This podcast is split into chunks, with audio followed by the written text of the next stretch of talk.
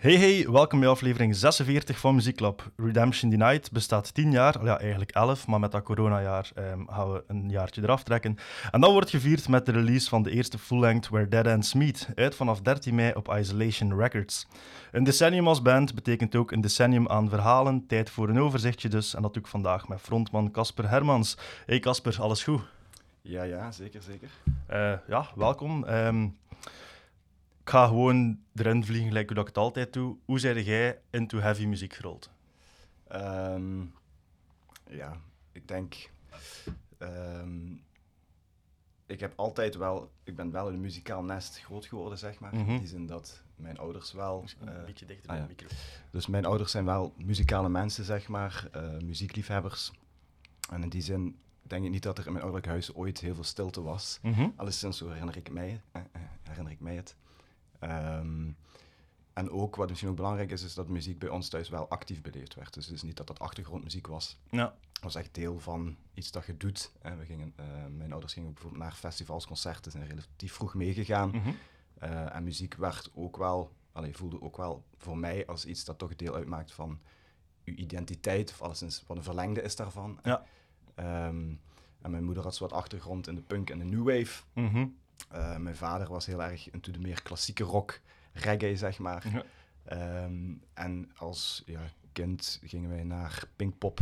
Um, niet op het festivalterrein, we stonden dan op de Schaasberg. Omdat we op dat moment de tickets misschien niet konden betalen. maar we hebben dat toch echt beleefd. Ja. Ook die live muziek en zo. Um, en ik denk op het begin lift je heel erg daarmee op luisteren naar wat je ouders cool vinden. En, mm -hmm. um, en dan zit je als, als 9 of 10-jarige onder je deken met een Walkman te luisteren naar Guns N' Roses. Uh, en dan luistert je 80 keer dezelfde cassette met November Rain. Hè. Mm -hmm. En dan gaandeweg vind je zowel je eigen muziek, dingen die u meer aanspreken of meer bij u passen op dat moment. Ja. En toen heb ik een tijd uh, ja, vooral naar hip-hop geluisterd. Op het begin, zeg maar, als ik een jaar of 10, 12 was. Uh, zelfs de eerste keer muziek gemaakt. Mijn broer maakte dan de beats. Uh, net zoals hij nu drum bij Redemption Night, dus dat is niet veel veranderd. Mm -hmm.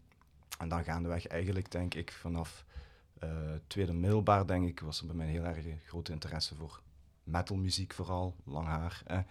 Uh, eerste keer graspop was denk ik 2004. En in die zin denk ik dat ik geluk heb, één, dat ik relatief jonge ouders gehad heb altijd, eh. maar ook dat die open-mindedness er was om een 14-jarige naar graspop te laten gaan. Ja. Uh, en dan zie je dan natuurlijk bands zoals Motorhead, uh, wat was dat dan? Children of Bodom was dan cool. Hè? Um, maar dan gaat ook het spectrum aan brede muziek open. En dan zie je dat Life of Agony, Hatebreed, mm -hmm. uh, Blood for Blood heeft daar gespeeld. Um, ja, dat was me ja, mega cool. Hè? En mm -hmm. dan leer je harde muziek in het breed appreciëren. Um, en in die tijd was ik zelf heel erg actief met skateboarden. Um, dat is echt iets dat heel veel terugkomt, ja, skaten. Ja, wel. Ja, ik woonde dan in Dilse Stockholm. Eh, uh, in de jaren 90 bekend omwille van uh, het cultureel centrum, waar grote shows waren. Zaal Nieuwenborg, eh, uh, gaan veel mensen herkennen. Maar in mijn tijd was er niet veel meer te doen. Mm -hmm. um, en dan spreken we over 2005 ongeveer. En dan gingen we met de bus skateboarden in Maasmechelen. Ja. Dat was dan um, tegenover het jeugdhuis, was een skate, skateplein, zeg maar. En daar waren ook veel shows ja. met hardcore bands, maar ook andere bands. Um, dus ik was dan vooral meer into metalcore en gaandeweg pik je die andere dingen op. Mm -hmm. Skatefest. Um, en eigenlijk ja, was dat een heel cool moment, 2005, 2006, omdat hardcore toen België heel hard ging. Hè. Uh, je had enerzijds bands als uh, Justice, Deadstop, die ja, toch wel heel veel momentum hadden in de zotte ja. sfeer. Hè. Rise and Fall had net Into Oblivion uit. Mm -hmm. uh, no Turning Back had net Damage Done, denk ik, ja. uitgebracht. Um, en dat waren bands die ik eerst, en ik ga heel eerlijk zijn, hè, ik ben eerst, denk ik, omwille van meer pragmatische redenen naar hardcore beginnen luisteren. En dat was heel simpel, omdat het heel cool was. Hè, ja. Maar ook omdat die bands altijd cassettes verkochten op shows. Mm -hmm. En omdat ik altijd, ik ben een soort wandelend fossiel als het gaat over digitale media. Hè. Dus ik had een cassette, een, nog altijd een Walkman in 2006, 2005. Dat is al en vrij kocht, laat. Uh, ik kocht de, uh, en dat was omdat de CD-spelers als je aan skateboarden waart en, allee, en je bewoog te veel, dan skipte die. Ja. Dus ik had een Walkman En ik kocht altijd cassettes. Mhm. Ehm, en de hoofdreden dat ik toen eigenlijk exclusief naar hardcore ben beginnen luisteren, is omdat ja, die bands verkochten cassettes, die verkochten demotapes. Ehm dus ik denk elke Belgische band die in die contraille gepasseerd is en een tape verkocht, ja, die heb ik minstens twintig keer gehoord. Nice. Ehm, en zo door skateboarden, zeg maar, en die hardcore shows, ja, veel mensen leren kennen. Mhm. Dan zelf een band begonnen. Ehm, dan een andere band die wat serieuzer was en gaandeweg meer mensen leren kennen, meer beginnen reizen naar shows Ja. eh, en zo vertrokken. Oké. Wat waren zo je eerste bands? Ah, of ja, de bands dat je voor Redemption Denied gedaan hebt. Ehm, ik heb ooit, dus mijn, dan gaan we terug, hè. Ehm, en dan we zullen, ik zal u niet vermoeien met de bands die nooit uit de repetitiekamer gekomen zijn. Maar ik heb ooit een keer een band gedaan. Was een edge projectje. Eh, het zal ergens, mijn eerste band zal ergens rond 2007 geweest zijn, denk ik. Ehm, en dat was dan met, en dat is ook wel grappig, eh, X-Confidence X heette dat. Met eh, Steven Warsen op gitaar, Amir op bas en mijn broer op drums. Ehm, en dan ja, hebben we daar eens een keer show mee gespeeld, ook ergens eh, lokaal. Was wel leuk, maar toen is het verder niet heel veel geworden. Ja. Ehm, fast forward, een paar jaar later, is eigenlijk veel van die line-up is dan Blindside geworden. Mhm. Wat eigenlijk mijn eerste, ja, moet ik zeggen, serieus intensief toerende band geweest is. En dat was denk ik ook rond 2011 dat we ermee gestart zijn. Ja. Eh, en dat was ook met ja, Amir op bas, Steve op gitaar. Eh, mijn broer ging dan vaker mee als eh. Mhm. Ehm, dus dan heb ik met Blindside veel gespeeld, eh, met Cold World getoerd in 2012. eh, shows gespeeld, Scandinavië, heel Europa, Engeland vaak gespeeld. Out, eerste Outbreak Fests, Oké, cool. eh, twee of drie keer gedaan. En dat, dat ging hard. Ehm, en toen, ook in die periode, heel, heel lang geprobeerd om een, een vegan straight band op poten te zetten. eh, waar ik gedrumd heb, gitaar gespeeld heb, gezongen heb. en toch geen band heb kunnen regelen, zeg maar. Eh, omdat de ethiek er was, maar de, de muzikale capaciteit niet, zeg maar. Mhm. Ehm, en op die periode was mijn broer, zeg maar, ehm, aan jammen met, met eh, prikken. Eh, en heeft hij eigenlijk toen een beetje de foundations gelegd voor de eerste Redemption Night nummers. Ja. Ehm, en toen ja, ben ik als zanger bij Redemption Night per toeval eigenlijk terechtgekomen. Oké. eigenlijk gitarist. dat Alright. Mooi, mooie samenvatting. hè. Ja. Ehm, ja, het ontstaan van Redemption Denied, je hebt al het begin zo aangehaald. Hoe was dat? Hoe, hoe is het allemaal tot stand gekomen? Wat, ja, hoe werden de eerste nummers geschreven? Ja, vertel een keer de beginjaren Redemption Denied. Ehm, Ik zal er hier een timeline bij pakken dat je heel mooi hebt Het is doorgestuurd. misschien relevant te zeggen, ik was het absolute begin van Redemption Night, eh daar was ik zelf niet bij. hè. Mhm. Wat er eigenlijk gebeurd is, is dat ehm, mijn broer was ja, drummer, hè? Ehm, nog altijd. En eh, die was heel goed bevriend met Davy Prikken, die op dat moment, die heeft vroeger in uh, Brekenenter gespeeld, was een band die ja, lokaal wat shows gedaan heeft, maar toch ook getoerd hebben, ook Ninja Fest gespeeld, et cetera. Ja. Ehm, ook wel rock, herk, dat soort dingen, dus ook wel allee, wat dingen gedaan hebben, serieus. Ehm, nadien was er een band World Gone Mad, Mhm. waar dat eh, Davy en Kevin samen in zaten. Dus, ehm, Kevin van de Putten, die nog altijd bij ons gitaar speelt. En in die periode, zeg maar, dat, dan spreek ik over 2009, 2010, was Davy heel veel bij ons thuis eh, aan jammen. We kwamen vrijdagavond altijd films kijken en lagen ze op, op de bank, zeg maar. S ochtends stonden ze op, maakten ze muziek. Ja. Ehm, en toen dat het vlammetje van World Gone Mad langzaam aan het doven was, eh, ja, hadden zij een heel repertoire muziek opgebouwd met hun twee. Eh, en werd eigenlijk, ja, werden die nummers natuurlijk, en als je dan met een band repeteert, speelt je ook wel eens van die ander materiaal dat je gemaakt hebt met iemand anders. En zo Mhm. gaat dat dan. En dat werd wel gewoon cool gevonden. Eh, en toen werd eigenlijk besloten van, kijk, laten we hier misschien dan een band mee maken, want Gone Mad gaat ermee kappen. Ja. Eh, en toen was ja, Kevin de eerste ook natuurlijk om in te springen. Toen is eigenlijk volgens mij ook eerst ehm, Joey erbij gekomen. En uiteindelijk hadden ze dan een heel stuk verder gerepeteerd en hadden ze nog altijd geen zanger. Maar omdat de repetities altijd bij ons thuis waren en ze ehm, op zaterdagochtend ging ik altijd werken, ik werkte in een houtzagerij. Dan kwam ik terug, waren ze aan het repeteren. Mhm. En ik had voor mijn vegan band, die nooit is geworden is, waar ik eh mega veel materiaal voor gekocht had, had ik ook een microfoon gekocht. Ja. Ehm, en in die zin ja, had ik op die, zo gaandeweg wel ervaring opgedaan met, met, s- met zang, Mhm. zeg maar, luide zang. En heb ik de microfoon gepakt.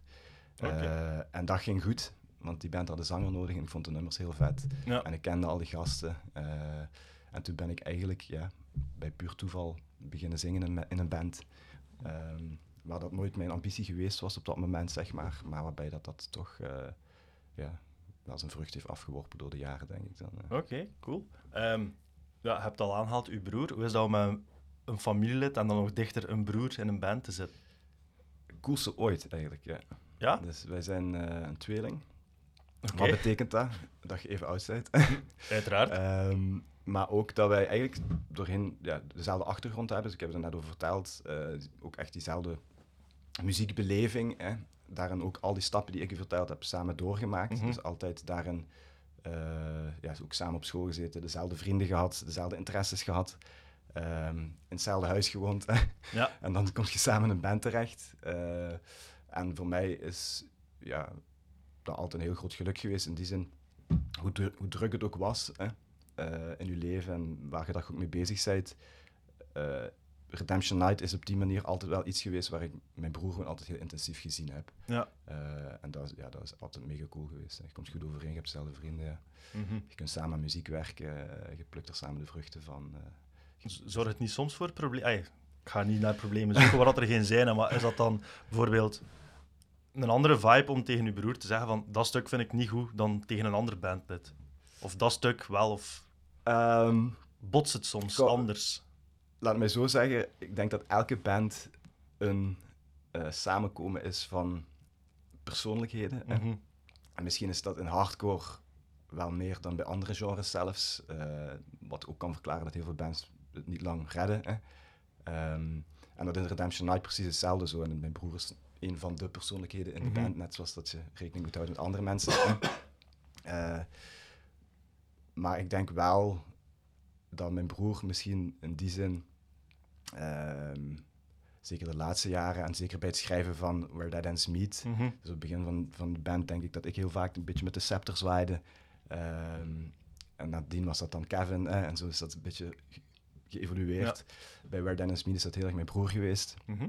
En ik denk in die zin dat hij wel voor mij ehm, ja, wat strenger kon zijn, zeg maar. Dat, hij voor- dan, ik, dat ik van hem meer gepikt heb dan dat eender wie anders zou gedaan hebben in die positie. Ja, Ehm, dus ja, ook, ja, alles moest goed, moest goed ingezongen worden, moest goed ingespeeld worden, eh, het moest georganiseerd zijn. Mhm. Ehm, dus in die zin denk ik wel dat dat wel een, een factor, een rol gespeeld heeft. Ja. Eh, er gaat natuurlijk een hele geschiedenis vooraf, voordat we naar eh, Where Dead Ends Meet kunnen gaan.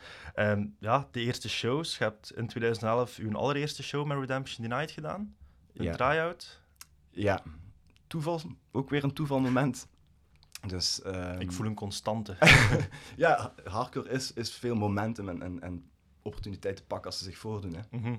ja zeggen. Hè. Ehm, wat eigenlijk 2011, dus we waren aan het.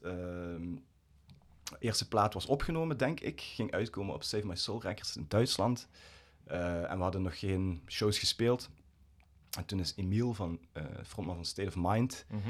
eh, die wij kenden, zeg maar, ook via de muziek, heeft ons toen benaderd, omdat op hun release show van de laatste LP die hebben zij hebben uitgebracht, The Knowledge of Self heette dat, was er een band die had afgezegd. Ik Ja. geloof meer punkrock georiënteerde band, The Real Danger of zo.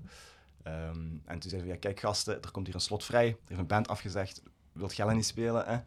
Eh, dus toen zijn we naar Brabant gereden en hebben daar onze eerste show uiteindelijk gespeeld. Ja. En dat was voordat de plaat uit was, voordat er echt... Ik weet niet of we al online presence hadden of whatever. En Redemption Night bestond, was een band, we hadden muziek opgenomen. Ja. en we hebben de eerste show gespeeld eh, op die show. Was heel cool, want ja, State of Mind, mega coole band gevonden altijd. Mhm. Ehm, ook veel relevante gezichten in hardcore die toch ook wel interesse hadden of alleszins actief volgden, volgden wat die band deed. Eh, ook omwille van de mensen die erin zaten, die ook wat, wat palmares ver- verzameld hadden doorheen eh, de, de jaren in hardcore. Dus Ja. wat dat betreft ook wel het goede publiek, denk ik, voor een eerste show. Ehm, en daar gewoon een discordant, harde eh, performance neergezet, die compleet niet in lijn was met eender wat anders dat er op de show speelde. Hè. Moet kunnen. Ehm, maar ja, wel denk ik veel mensen die zoiets hebben, oh shit, dit is iets anders. En Mhm. eh, wat dat betreft denk ik perfecte eerste show geweest. Ja, alright. Niks gebroken die show. niks gebroken op die show, nee, nee, nee. Volgende show wel. Eh, ja, ik- Was dat de volgende show? Ik weet niet of daar nu nog wat shows tussen gezeten hebben uiteindelijk. Of volgens mij hebben we toen een keer 2011 ook nog een keer Duitsland gespeeld en zo. Mhm. Met, ehm, met Lifeless, denk ik, dat we een keer in de roerpot gespeeld hebben toen zij de eerste keer langskwamen. Dus daar hebben zeker nog shows tussen gezeten. Ja. Maar ik denk dat eh, ja, momentum voor Redemption Night heel erg is beginnen rollen in de tijd dat we rond of na de release van de eerste plaat kwamen, of alleszins een aanloop daar naartoe. Mhm. En toen hebben we een keer een surprise show gedaan, toen dat eigenlijk Blindside op tour was met Cold World. Eh, speelden we in de muziekodroom in Hasselt. Ja. Heel de band was daar. eh. En toen hebben we denk ik ergens voor de Blindside set, ehm, of ergens tussendoor een keer twee of drietal nummers als een soort surprise act gedaan, waren niet aangekondigd. Ja. Ehm, en toen heb ik inderdaad mijn voet gebroken tijdens de intro. Oké. Dus er is een, een, een Yo- YouTube-video waar dat je dat kunt zien. Ik geloof Redemption Night, Muziekodroom, Ja, eh, Face the Show of zo. Ik heb die eh. daar net opgezocht. Ja. Eh, ik zag het wel niet waar dat gebeurd Ja, is. wel, eh, ik zie het en ik voel het nog altijd. ik zie een moment en ik voel het zo terug in mijn been schieten. Ja. Maar dat was echt tijdens de intro. Sla ik mijn been om, breek ik mijn voet. Mhm. eh, zing, ik de in- zing ik die twee nummers. eh, en nadien moest Blindside nog spelen. Hebben nog de set met Blindside gespeeld. Ja. Eh, en dat was denk ik de derde show van die Europese tour of zo. Dus toen ben ik met een ja, een pleister rond mijn been naar eh, heel Europa rondgetrokken. Oké, ja. Het is toch Eh, gelukt. Ja, been omhoog in een Ford Transit. Zalig. en dan, ja, dat was wel zot. ja. Je had er ook wel bijgeschreven bij de voorbereiding. de start van alle gebroken ledematen bij Redemption Denied. Ja. Is er al zoveel kapot gegaan? Ehm, ja, ik denk het spelen met gebroken ledematen is een beetje een soort rite of passage in de band. dus ik heb ehm, inderdaad toen ja, met, dan met verder getoerd met, dat- met die gebroken voet. Ja, dat is ontzettend rot. Hè. Mhm. Eh, daaronder ook bijvoorbeeld, we hebben in Parijs toen ook een boot gespeeld. Ik moet inbeelden dat je op één been staat, dat er een Cold World show is en dat iedereen van links naar rechts aan stage diven is. Ja. Ja, ja dat, dat is heel ervaring. Hè. Toen hebben we met, eh, heel kort nadien ehm, is ook dat gips eigenlijk te vroeg eraf gegaan. En dan heb ik met die voet eh, hebben Scandinavische shows gespeeld. En nadien heeft mijn broer, denk ik, een keer een eh, accident gehad met de fiets. Is hij aangereden door een auto, Ja. elleboog gebroken. Heeft hij eigenlijk ook met een soort gebroken elleboog de Scandinavië-tour gespeeld, denk ik. Als Nee, dat, was, dat was Notting Remains als drummer. ja. Ja, ja, ja. Is En- dat goed genezen? zo. ja, Met uw expertise. eh, als je naar de foto kijkt, niet. Ja. maar hij kan er toch alles terug mee. Oké. Hoe zich dat gaat presenteren over 20, 30 jaar, ja, dat weet ik niet. hè, maar dan hebben we er goed verhalen over gehouden. Dat is waar. Ehm, ik denk dat dat bij de Notting Remains Tour geweest is, dat hij daar veel last van had. Kevin, eh, onze gitarist, heeft met een gebroken hand eh, de Terror Tour gedaan. En dan moet je dus Fuck. inbeelden dat hij twee weken van tevoren of zo zijn hand gebroken had. Naar het ziekenhuis gaat. Ik denk dat hij woonde toen in Hasselt. Ehm, naar het ziekenhuis gegaan en dan daar het verhaal verkocht dat hij professioneel muzikant was en dat hij toch moest kunnen spelen. Hè. Maar dus zijn linkerhand, waar dat je dus die akkoorden mee pakt Ja. de gitaar, in een soort, toen heeft hij dus met dat verhaal een soort afritsbare eh, gips of spalk gekregen. Oké. Die hand was blauw, paars, dik, gezwollen. Deed pijn als je er naar keek. Hè. Eh, maar dat was dus voor elke show inderdaad die rits uitdoen. Gitaar spelen en dan dat ding terug aandoen als hij nog rond zijn hand paste. Hè. Dat is wel toewijding. Ehm, even kijken. Dat was dat. En dan denk ik dat Joey ook nog ergens eh, zijn, ook zijn hand gebroken had als bassist. En daar ook gewoon mee getoerd heeft. Eh, ja. Dus, Sterk. Ja. Lennart voorlopig eh, blijft buiten schot, maar die is als laatste erbij gekomen, dus misschien Die, krijgt hij die zijn, heeft nog zijn tijd. Ja, het is dat. Net, net voor Ja, ja. 14 mei of zoiets. Laat ons hopen van niet, natuurlijk. Ehm, ja, ik denk dat dat zo wat 2012 was dat je hebt samengevat. Ik ga hier gewoon die chronologie volgen, een beetje afstappen van normale stramien dat ik pak. Zeker. Gewoon omdat de voorbereiding zo uitgebreid is. Leuk. Eh, 2013, 85 shows op één jaar, eh, op baan met No Turning Back. Ja. Dus eh, ik denk 2013, dus daar moet je wel rekening houden. Ik denk dat Redemption Night dat jaar toen een, een 55-tal shows gedaan heeft. Mhm. Ehm, en dat wij tussen begin 2013 en midden 2014, denk ik, zaten we eens aan een 85 shows. Ja. Eh, maar toen speelden Joey en ik ook nog samen in Blindside. Oké. Dus ik denk dat dat toen inderdaad iets van, totaal iets van 85 shows per jaar was. Ehm, soms Intensief. intensief, ja. Eh, we hebben zelfs een keer moet ik eens eventjes kijken, drie of vier shows op dezelfde avond gespeeld en zo. dus dan speelden we een van een festival in Berlijn, geloof ik. Blindside speelde en nadien speelde Redemption the Night. Hadden we Blindside terug ingepakt. En dan hebben we nog iets van een uitverkochte show gespeeld, ook in Berlijn. Ja. Met, ik geloof dat dat toen ehm, Mind Eraser en de Rival Mob was of zo. Ja, Eh, dus dat soort dingen. En dan kom je natuurlijk heel snel aan je, aan je shows. oké. Maar dat was echt eh, elk, elk weekend op de baan. eh, heel intensief. Mhm. Heel lange ritten ook voor enkele shows. Ja. Eh, tot 1600 kilometer of zo, denk ik. Voor, eh, ja, wat had Redemption dan op dat moment? Acht nummers. Dus je rekent uit. De speeltijd to travel ratio, zeg maar, was, was toch... eh, Zat een beetje scheef. zat af en toe scheef, maar de, ja, de motivatie en eh, ja, de zotheid was daar. Dus, Mhm. Heb, heb dan ook die zomer Nothing Remains opgepakt. ja. En wat ik eigenlijk zot vind, als je zeker kijkt naar hoe dat nu gaat, in juli opnames en in september al de release show. ja. Dat ging rap, Dat, dat zou nu niet meer... eh, Dat zou nu niet meer kunnen. Nee. Vooral denk ik eh, niet zozeer omdat de bands het niet willen, of omdat de labels het niet willen, of omdat de studio's onbereikbaar zijn. Hè. Eh, ja, de vertragende factor is nu vaak denk ik de levertijd voor de vinyl. mhm.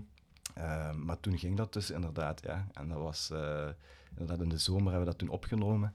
En in september was de release show, hadden de platen gewoon liggen. Ja, ja. Sterk. ja. Shout-out ook naar Geert Control Records natuurlijk, want die heeft het geregeld. En Ja. toen, Ehm, maar ja, ik heb er weinig mee te maken gehad met de, dat logistiek te regelen, maar het, toen ging het. Mhm. dus hij heeft het klaargekregen. Ja, ja, ja. Ehm, ga, hebt echt heel wat dingen aangehaald, maar ik denk dat ik gewoon een keer ga springen naar 2014, het Kiev-Rusland-verhaal. Want ja, daar heb je iets uitgebreider geschreven, dus dat zag er ook wel redelijk... Ja, ehm, dus sowieso shout-out naar Kevin, die eigenlijk eh, hierbij zou zijn vandaag, maar niet kon niet redden. mhm. Eh, en dan eigenlijk als geheugensteun voor mij, omdat ik heel de chronologie niet meer goed rij kreeg, een beetje die lijst gemaakt dat ik Ja. doorgestuurd. Ehm, maar ik denk de reden dat er wat meer bij Kiev-Rusland staat, is ook omwille van de huidige toestand natuurlijk. Ja. Ehm, maar dus 2014 is dat Moet ik inderdaad. het anders zo leggen, dan ga ik het Ja, dus, spiek ik even. De podcastmensen die luisteren, die zien het toch niet. Wie dat er die aan YouTube kijkt, eh. Geen probleem. Eh, nee, inderdaad. Dus dat was februari 2014. Ehm, en we hebben, ik denk, je kunt elke tour die hierop staat aanhalen en ik ga je zotte verhalen vertellen. Mhm. hè. Maar ik denk in de huidige context, wat, daar, wat je daarbij moet inbeelden, is ehm, dat was in het midden van de Maidan-revolutie. Dus eh, op dat moment had Oekraïne een heel erg Russisch gezinde president. Hè. Er was een, eh, een vrije ehm, handelsovereenkomst met de Europese Unie, die volgens mij een meerderheid gehaald had in het parlement. Eh Janukovic, denk ik dat die president is. Ik weet het niet meer precies. hè. Don't shoot me. Ehm, die hield dat allemaal tegen. Was heel Russisch, Russisch gezind. Ehm, en toen is eigenlijk ja, het volk in opstand gekomen. Mhm. Waarbij je dus moet inbeelden dat wij die tour boeken, eh, met die mensen daar in contact zijn. En opeens, de week voordat wij vertrekken, worden daar vallen daar vier doden in Kiev. Ja. Ehm, en dan stuur ik een bericht van, ja, kijk gasten, eh, is dit wel een goed idee? hè? Mhm. En dan krijg je een bericht terug van, eh, eh, yes, the show can go on. dus ja, weet je, die show staat, we zijn geboekt en we zijn toen gewoon vertrokken. Ehm, maar ja, je moet je inbeelden, je komt eraan een ja, letterlijk een soort oorlogstafereel. Mhm. We komen aan in Kiev. ehm, ja, er zitten geen stenen meer in de straat. Er is brand in het stadhuis. Ehm, ja, no shit. Er staan overal barricades. Ehm, de stad is ingenomen door ja, protesterende boze menigtes. Mhm. Overal spandoeken. Ehm, de weg was...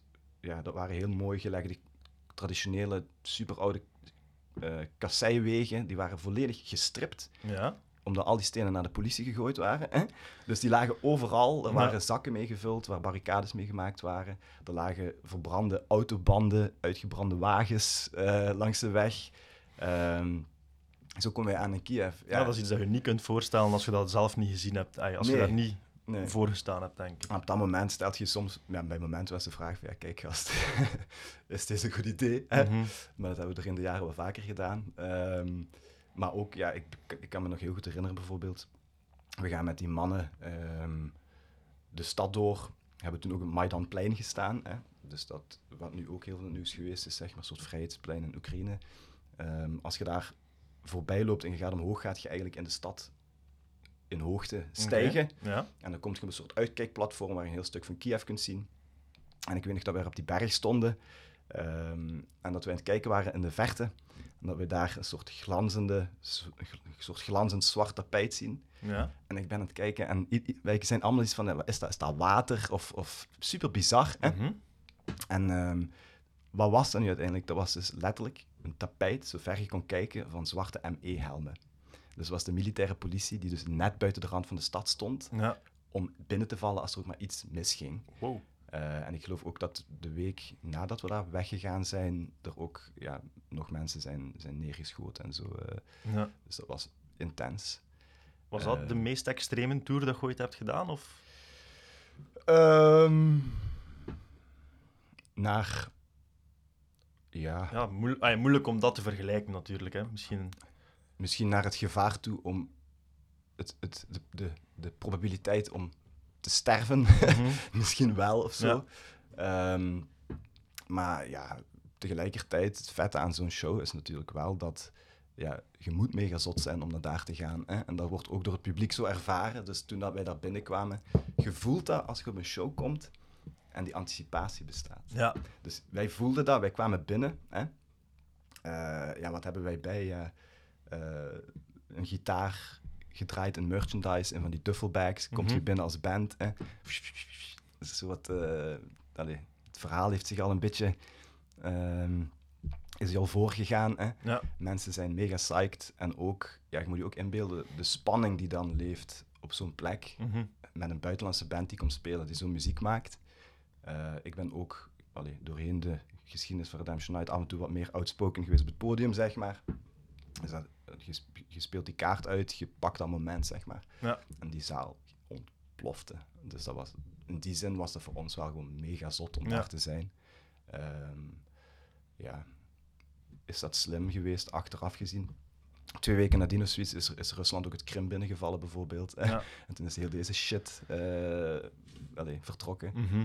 Ehm, maar dat was wel denk ik een historisch heel belangrijk moment dat wij als band, zeg maar, toevallig omdat we dat speelden, super dichtbij hebben meegemaakt. Ja, ja, ja. Ehm, en waarbij dat je toch ook daardoor merk ik binnen de huidige context, dus ik denk dat dat daarin staat, dat dat dan een beetje naar boven komt, omdat Mhm. je dan ook echt die context gevoeld hebt. ja, dat zal wel. Zijn je zelf dan op een bepaald moment in gevaar geweest? Of met agressie in contact gekomen? Of viel, Ja. viel dat... Wat is gevaar? Ehm, ja, het is daar, het is daar gewoon een, een, een- het was daar een oorlogstafereel, dus dat, dat sowieso. Moet ik ook inbeelden, het is niet dat iedereen daar Engels spreekt. Ja. Eh, dus wij kwamen daartoe, we stapten van de vlieger ehm, en daar komen mensen aan die zeggen, ja kijk, geef ons maar uw instrumenten en merchandise, Eh, je ziet het vanavond terug op de show. Eh. We kenden die niet. Eh. Was ook helemaal niet de promotor van de mensen met wie wij gecommuniceerd hadden. Ja. was gewoon tegen ons gezegd, it's oké, eh. oké, ja, we geven dat af. Dan word je naar een of andere buitenwijk van Kiev geloodst. In een van de verlaten appartementsgebouw uit, eh, uit de Sovjet-tijd, waar dan eh borsch voor u gemaakt wordt. dus gewoon heel veel ja, van die surrealistische tafereelen, Ja. van die dingen dat je achteraf denkt van ja, Jesus. Eh. En dan naar de show komen hopen dat je dat uw merchandise en die instrumenten daar effectief klaar Mhm. staan. Dat was dan ook zo. Eh. Chance. Eh, thanks to hardcore. Ja. Ehm, maar je moet je dus ook inbeelden, ja, er waren heel veel spanningen met Rusland op dat moment. Wij zijn uiteindelijk met een toeristenvisum, hè, met een nachttrein uit Kiev Mhm. naar Moskou gereisd. Ja. Ehm, waarbij dat wij dus inderdaad zwarte duffelbags hadden met allemaal t-shirts erop, Redemption the Night. Hè. Ehm, ik denk dat Nothing Remains erop stond in het Russisch. Eh, op, die, op die merchandise met daar een Gibson Les Paul ingerold. Ja. Eh, en dan moet je dus in die nachttrein de grens over naar Rusland, terwijl dat er dus mega veel spanningen zijn. Ik, dat is wat ik zeg, een paar weken later is het Krim binnengevallen, dus dat was echt, in de- echt intens. Hè? Dus Mhm. die, controle, die bordercontroles waren gewoon echt super onaangenaam. Ja. Ehm, en ik weet nog heel goed dat wij Belarus, we gingen van Oekraïne door Belarus naar Rusland. Eh, het is daar min 12 of whatever buiten. De sneeuw komt tot aan uw knieën. Mhm. En er komt dus eh, gewapende douane of, of, of politie komt de trein op. Ehm, Joey en Timmy. Timmy speelde toen in die band ehm, zijn broers. Hè, Mhm. eh, zaten samen in een van in een soort ja, kamertje. Dus er waren verschillende kamers met vier bedden. Zij sliepen samen in die nachttrein. En de twee mensen onder hun worden op een heel gewelddadige manier uit die wagon getrokken. Ja. En omwille van het feit dat ze verkeerde papier hadden, dus in het midden van de nacht, in een meter sneeuw, in min 12, in Belarus gedumpt in februari. Hè? Holy fuck. Door de Russische politie. Ja. Dus zo word je wakker. Ik weet nog dat Timmy en Joey echt zoiets... Allee, we keken elkaar aan, we dachten van... Hier stopt het, Ja. hè? Dit is het eind van, einde van de band. Mhm. Ehm, dus ehm, ja, en toen inderdaad, ja, dat zijn automatische pistolen die die bij hebben. Dus gewoon alsof dat je ja, leger loopt binnen. Hè. Mhm. Eh, Kalashnikov. En dan lag daar onze duffelbag met merchandise en gitaar. En niemand van ons sprak Russisch. Ja. Met, die, met dat geweer in die zak aan het porren om te vragen. Van, en, en aan het Russisch is aan het schreeuwen van maak dat open, wie zijn jullie, bla bla bla. Bij die toeristenvisums. Eh, en toen hebben we heel veel geluk gehad uiteindelijk dat eh, een maat van ons die tour geregeld had.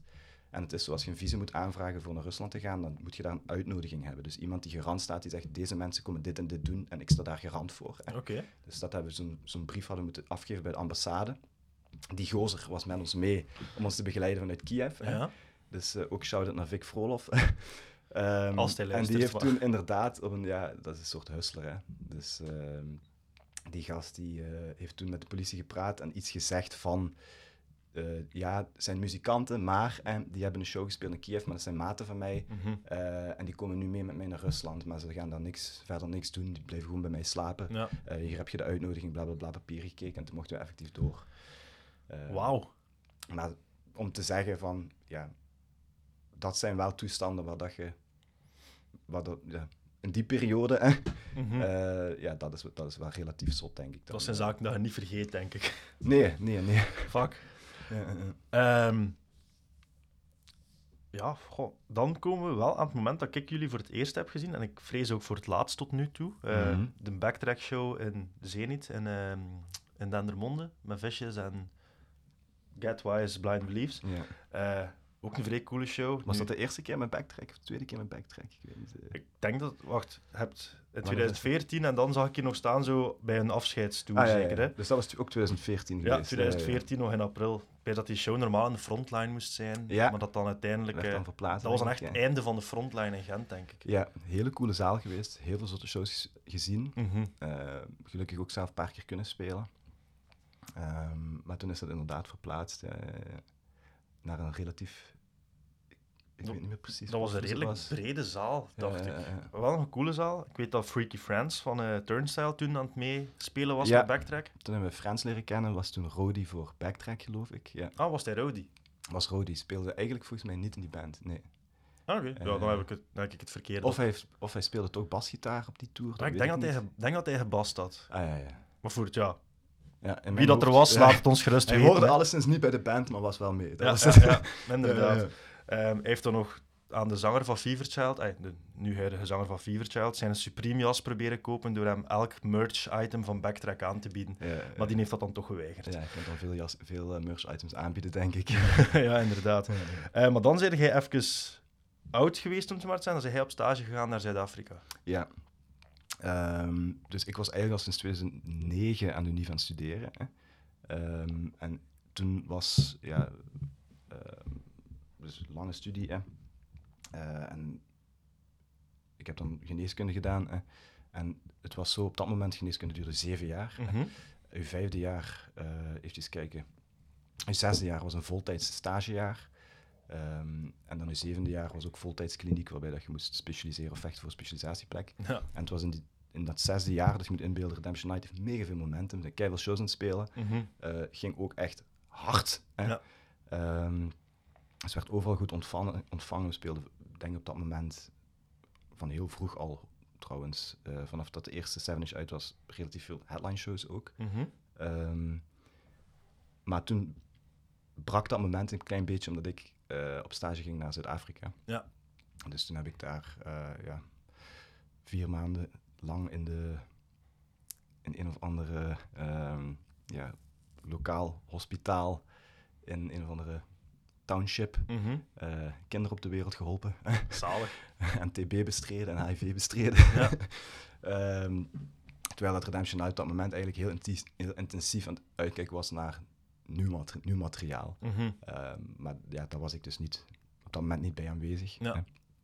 Ehm, ja, en toen hebben we eigenlijk, ja, toen was het vooral, vooral heel druk, zeg maar, bij mij. Ehm, en daardoor hebben we eigenlijk, is dat moment opeens heel abrupt, het moment heel abrupt eigenlijk, eigenlijk gestopt geweest. eh. ja. Hoe was het de combinatie? Ja, want je hebt hier al heel intense jaren aangehaald van shows, 85 op een jaar in 2013, maar je Ja. waren al aan het studeren.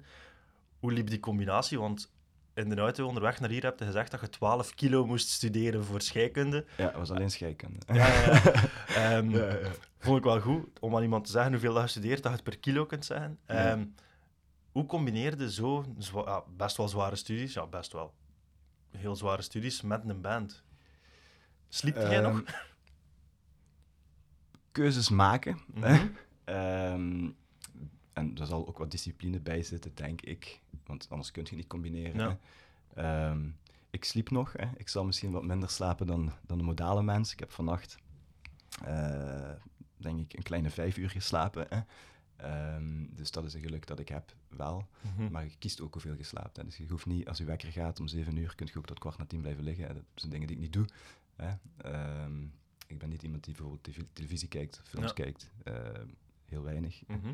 Ehm, ik ben in die periode, laten we zeggen, buiten mijn muziek ook niet iemand geweest die heel veel s'avonds op vrijdagavond bij maat op de bank ging hangen en niks doen. Ja. Ehm, dus wat dat betreft, ja, ging wel heel al mijn tijd na muziek. En ben ik ook altijd iemand geweest, ehm, dus dat is misschien ook een rode draad doorheen al die tours. Mijn kilo's boeken gingen mee op tour.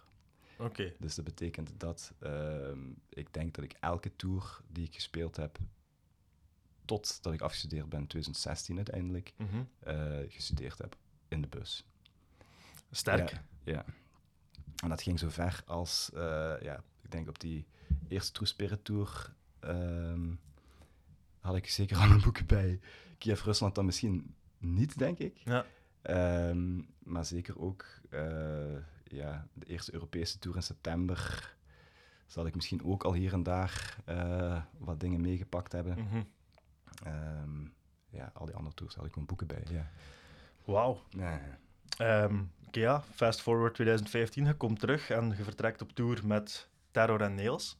Ja. Waar ik even eh, op wil vragen, hoe is Scott Vogel? Want die mens heeft veel haters en veel liefhebbers, omdat hij zo ook heel outspoken is en soms nogal controversiële dingen. Ja, hoe was dat om met die gasten op tour te zijn? ja, iedereen in hardcore heeft haters. ik ben er 100% zeker van dat er ook genoeg er mensen zijn die mij haten of Redemption the Night haten, om welke reden dan Mhm. ook. Hè. Dat hoort bij het genre, denk ik, en misschien bij de beleving in het algemeen en bij, bij mens zijn in het algemeen. Hè. Ehm, Scott Vogel is mega cool. Hè. Ja. Ja. Dat, die gast die heeft... eh, ja, is een wandelend, wandelend reliquie. Die alles dat hem heeft aangeraakt, is ook gewoon ruig, goed, Mhm. cool, relevant, nog altijd. Hè. Ehm, die heeft Slugfest gedaan, heeft Despair gedaan, heeft... allee, ik zeg Buried Alive gedaan, Mhm. heeft dan Terror gedaan, heeft dan World Be Free gedaan. Ja. Ik bedoel, ja, dat is een wandelende, allee, ook een wandelende hardcore-encyclopedie. hè. Mhm. Die gast draait er zo lang mee, kent iedereen. Je kunt die niks wijsmaken. Als jij begint over een of andere band uit de jaren 90 die, die dat jij cool vindt, kent hij er zeker een of ander zot verhaal over, op, basis waarvan dat hij vindt dat je mening moet herzien. Dus hij is inderdaad wel outspoken, maar dat is mega cool om daarmee Ja. te, allee, om daarmee te praten. Eh, is ook inderdaad wel een heel eh, uitgesproken, heel, hoe moet ik eens zeggen, ja, soms een beetje polariserende persoonlijkheid misschien. Wil op tour af en toe voor een show wel eens een keer wat, wat meer drinken, zeg maar. hè. Dus op sommige momenten vond ik het mega cool om met hem op tour te zijn. Op andere momenten had ik zoiets van, kijk gast, ik zal even wachten weer tot morgen. En Ja. dan hangen we weer. En als het een beetje te veel werd. Mhm. Ehm, maar dat is wel iemand ja, die leeft, beleeft, creëert, ademt hardcore op een niveau dat heel veel mensen zich niet kunnen inbeelden. Dus Mhm. ik denk ook als je op de zijlijn staat en je bent aan het haat op Scott Vogel, ja, weet je, doe je ding, hè, maar Ja. hij geeft er geen fuck om. Dat geloof ik. Nee, Ehm, ja, ze blijven zij ook maar spelen. En Ja, ik vind het nog altijd coole shows. En cool- zeker dat. Zeker Zeer benieuwd naar de nieuwe plaat dat zij van deze week uitbrengen. Ik weet het niet. Ja, Pain into Power. Ja. is dat? Ja. ja, heel benieuwd. ik ben ook heel benieuwd. Allee, tegen dat aflevering ga, Ja. uitko ga uitkomen, zal ze al uit zijn, maar fuck it.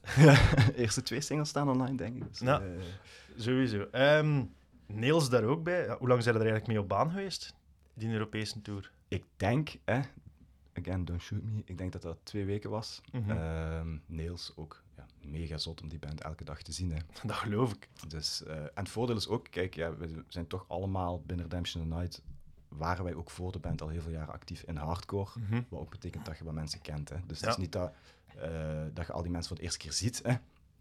Ehm, wij kenden bijvoorbeeld, ik geef een voorbeeld, eh hebben al een paar keer daarvoor met Terror gespeeld. Ehm, dus in die zin had ik wel al een keer backstage ergens met Scott Vogel een keer gepraat. Hè. Ja. Zo zijn we ook op die tour geraakt uiteindelijk. Mhm. Hetzelfde voor Nails. Hè. Dus ehm even kijken. Eh, Taylor Young drumde voor Nails op dat moment. Ehm, en kenden wij van Twitching Tongues, waar we ook daarvoor, een paar jaar daarvoor, een aantal shows mee gespeeld hadden. cool. Eh, en ook in die backstage dan gehangen. Hij vond Redemption Night op dat moment heel cool. Mhm. Eh, was ook op Noordcote, denk ik, dat we met hun toen Ja. de laatste keer of zoiets hadden samengespeeld. En dat was ook die show waar dat er eens een keer, eh, ik denk, ja, na het eerste nummer van onze set of zoiets, iemand ja, 20 minuten lang bewustzijn verloren heeft. Oh, oh. En ik weet niet dat, die, allee, dat, dat, voor- dat voor ons ontzettend kut was. Hè. Maar tegelijkertijd ja, heeft hij toen iets getweet van Redemption the Night, one song, one KO of zoiets. Eh, waren al die mannen nadien mega enthousiast eh, van ja, hardest band in Europe, bla bla bla, weet ik veel wat. Ehm, en van die zin kenden we die mensen wel in een soort informele setting. Ja. Daardoor, dat was een soort ijsbreker. Ehm, even kijken, dus ja, die kenden we al. Nails, mega grote band. Ja. Metal circuit, hardcore circuit. Ehm, ja, ook gewoon zot om met die gast op tour te zijn. Todd Jones op gitaar en zang, muzikaal genie. Een hè. legend, hè. Absolute legend. Eh, ja, ook gewoon cool om met die gast op tour te zijn. Ik. Dus, eh. Ook, weet je, je bent niet, je bent part of the, part of the gig. Hè? Dus het is Mhm. niet zo van, ah ja, kijk, ik heb betaald om je band te zien en nu kom ik even hallo zeggen. Nee, je zit Mhm. op die bus en je bent deel van de tour. Hè? Ja. Dus dat betekent ook dat je op een heel andere standing met elkaar communiceert, omgaat. Mhm. Eh, en dat was heel, heel vet. Eh, Dat geloof ik zeker. Eh, de komende jaren waren gelijk iets rustiger, 2016, 2017. Ehm, maar toch wel twee coole runs met TOI, Trapped in the Rise. ja. Allee, of, het was rustiger volgens de, de timeline. Ik weet niet of dat, dat effectief rust, veel rustiger was. Eh, ja, ik denk dat daar, dat daar veel niet, van losse shows Mhm. niet op staat. Hè. Ja, ja, ja. Eh, we hebben wel ergens een lange tijd een soort showlist bijgehouden. dat Mhm. meer was voor ja, de agenda's te beheren. Ja. Ehm, En voor daar de zal veel podcasts zeker, ja, daar zal zeker wel wat dingen in staan. Ehm, ja, maar dat was, dat was ook weer zoiets. Dat was ook heel cool. Hè. Dus Mm. Trap on the Rise had op dat moment ook heel veel momentum. Ja. Ehm, even kijken. Maar dat was dan meer naar het einde van... Ay, zo voordat ze die pauzeknop hebben gedrukt, zeker, hè? Want Trapped in the Rise heeft toch even die een... Even Of ben ik kijken. daar nu... Ik denk dat we met hun getoerd hebben voor Big Kiss Goodnight nog. Ja? Ehm, de eerste keer, dan is Big Kiss Goodnight uitgekomen, hebben die ook mega zot getoerd. Mhm. Ehm, en nadien, ik denk dat nadien die hiatusknop inderdaad is ingedu- ingeduwd. Het waren twee keer met ze op pad geweest. Ehm, ja, mega coole shows gespeeld. Ik heb ze jammer genoeg maar één keer gezien, maar Ja, inderdaad, ja, vrij cool bij. Hetzelfde, hè, het is mega zot om met een band op tour te zijn die dat je eigenlijk elke avond zelf wilt zien. Dus Mhm. dat, is, dat zijn de privileges, zeg maar, binnen hardcore. Ja. Eh, alleen dan ja, krijg je vervoer geregeld, krijg je eten op de show, hè, zit je backstage. Mhm. Eh, ja, dat is, dat is heel cool. Nice. Heel coole gasten ook. Op dat moment, en dat is ook wel cool, ehm, en je ziet hoe klein de wereld is. Ehm, ja, een aantal van die gasten spelen nu bijvoorbeeld ook een turnstile. Hè. Ja, Ehm, ook al die gasten zijn muzikaal extreem getalenteerd. Hè. Dus Justice doet nu eh, Angel Dust, wat ook wel ja, zijn eigen following heeft inmiddels. hè. Ja. Ehm, ja, dus dat is gewoon een heel stimulerende omgeving. hè. dat geloof ik zeker. Ja. Ehm, ik denk dat ik eh, de bladzijde mag omslaan. We zitten bijna aan corona, maar nog, nog net niet. Ehm, 2019. Ook weer van alles. Van alle coole dingen gedaan. Hè. Maar eentje dat ik, dat ik heb gehighlight. Een gevechtje met nazi-hooligans. ja, Ja. wil ook wel eens een keer gebeuren als je in band zit. Mhm. Was ook niet de eerste keer. Hè. Ja. Ehm, We hebben er in de jaren zeker wel wat vaker wat, wat van die, van die eh ja, kraakpandshows gespeeld, waar dan wat mensen rondlopen die hun rechterarm moeilijk naar beneden houden. en dan wil er wel eens wat gebeuren natuurlijk. Ehm, maar ehm, ja, inderdaad. Dus wat, 2019 was eigenlijk zo'n moment waarin dat ik... eh, ik was naar Nederland verhuisd, had in mijn professionele carrière wat keuzes gemaakt, waardoor ik wat meer... eh, dus ik ben toen wat meer onderzoek, onderzoeksactiviteiten gaan doen, zeg maar. Waardoor ik wat meer flexibiliteit had. Mhm. kwamen terug wat weekends vrij. Hè? Ik kreeg terug een leven. Eh, kan ik aanbevelen, is best leuk. Ehm, maar toen hebben we inderdaad, ja, gingen we eigenlijk best hard weer. Hebben we terug die backtrack shows gedaan, denk ik. Zijn Ja. we opnieuw naar, eh, ik denk dat we Hyperfest gespeeld hebben, Sound of Revolution Fest gespeeld hebben. Terug, dus dan die backtrack farewell tour gedaan. Dan terug naar Kiev gegaan. Mhm. Polen gespeeld. Ehm, en daar ook nu de eerste tour. En ik denk dat dat. Dus hebben we. De eerste tour hadden we Kiev, Moskou, Sint-Petersburg gedaan. Hadden we in Sint-Petersburg ook. eh, ik weet nog dat we daar. ehm, ook met de trein van Moskou naar Sint-Petersburg gegaan zijn. Daar mega, mega, mega zotte show gespeeld met Next Round, een van de oudste hardcore bands uit Rusland. En gasten hebben vroeger bijvoorbeeld, allee, het zijn vooral oude gasten die in alle oudere bands gespeeld hebben en nu in Next Round zitten, die ook al Mhm. heel lang bestaan. Dus een heel gerespecteerde band. Brengt punk, punks, skins, hardcore kids samen. Hè. En ik weet nog bijvoorbeeld na die show dat er toen een eh, ehm, gevecht was na de show. Dus wij zijn toen met een busje naar van de show, eh, was helemaal uitverkocht. Mega zot, hè. Ik zeg het nog een keer. Na die show zijn we terug naar de accommodatie gebracht. Bleven bij iemand slapen thuis in een appartement. Ik geloof dat het appartement was van Dima, die Hope and Dreams merch doet. Of die woonde daar toen alleszins volgens mij. Ehm, en toen is een van de gasten die daar ook woonde, na de show in een of ander treinstation herkend, omdat hij die heeft hardcore shirt aan, hè, belaagd door eh neonazi skins, eh, gevochten, gevochten, kwam thuis met zijn voorhoofd in zijn rechterhand. hè. ja, ja, ja, ja, ja, serieus. Met een fles op zijn ge- gezicht geslagen of zo. Bleef daar heel rustig over. Hè. Zei ze van, ah ja, I just ran into some boneheads. Dat was, dat was zijn beschrijving van het fenomeen al- dat alsof, dat zo, alsof dat elke ja, dag ja, gebeurt, ja. Ehm, dus dat was, dat was wel zot. Politie die aankomt, ambulance die aankomt, wij die ons moeten verstoppen in de achterkamer omdat we geen toelating hadden om eigenlijk in Sint-Petersburg te zijn, want er stond niemand op papieren. Hè. Dus wij konden niet zomaar dan weer met die merchandise, nadat we show gespeeld in Sint-Petersburg, daar Mhm. opeens terug opgepakt worden. Hè. Dus wij achter zitten terwijl dat die man gehecht wordt in zijn eigen keuken. Eh, dus dat soort toestanden. Dus da- da- daar zaten we niet zelf tussen. Hè. Mhm. Eh, 2019 fuck. spelen we weer Kiev. Hè? Dus ik heb wel de indruk dat dat eh, bij ons minder actueel is of zo. Wij zien ook wel van dat soort dingen op shows, zeg Ja. maar. Ehm, maar daar is dat toch meer, wijd, meer een vaak voorkomend fenomeen. Mhm. Hebben wij in, speelden terug in Kiev. Ja, te gek, hè. kom eraan. Je hebt daar een beetje die folklore van toen in 2014 gespeeld te hebben. Hè? Dus we, hadden- we kwamen daar binnen en allee, mega coole show gespeeld. Mhm. Maar voordat wij de show konden spelen, werd er, ehm, waren er blijkbaar ook heel rechtsgezinde mensen die toch wel graag een Redemption Night Show wilden zien. Hè. Kijk, sorry, dan heb je het concept van de band niet goed begrepen. Hè. Ja. Eh, maar dan toch, hij voelde zich aangesproken door onze muziek, hadden ons misschien gezien in 2014, ik weet het niet, wilden graag binnen, eh, maar werden tegengehouden door de organisator. Omdat die herkend werden als neonazis of nazi-hooligans, ik weet het niet. hè. Ja. Ehm, houd je er zo drie mannen tegen, ja, staan er dan een half uur 15 Mhm. houd je die ook tegen, staan er een half uur later staan er 40. Hè? Op Fuck een gegeven moment werd daar eh, ja, vuurwerk met vuurwerk naar elkaar gegooid, werd er mega hard gevochten buiten aan die venue. Eh, is alles de hele tijd stilgelegd geweest. En is die show uiteindelijk veel later pas op de avond of nacht doorgegaan. Mhm.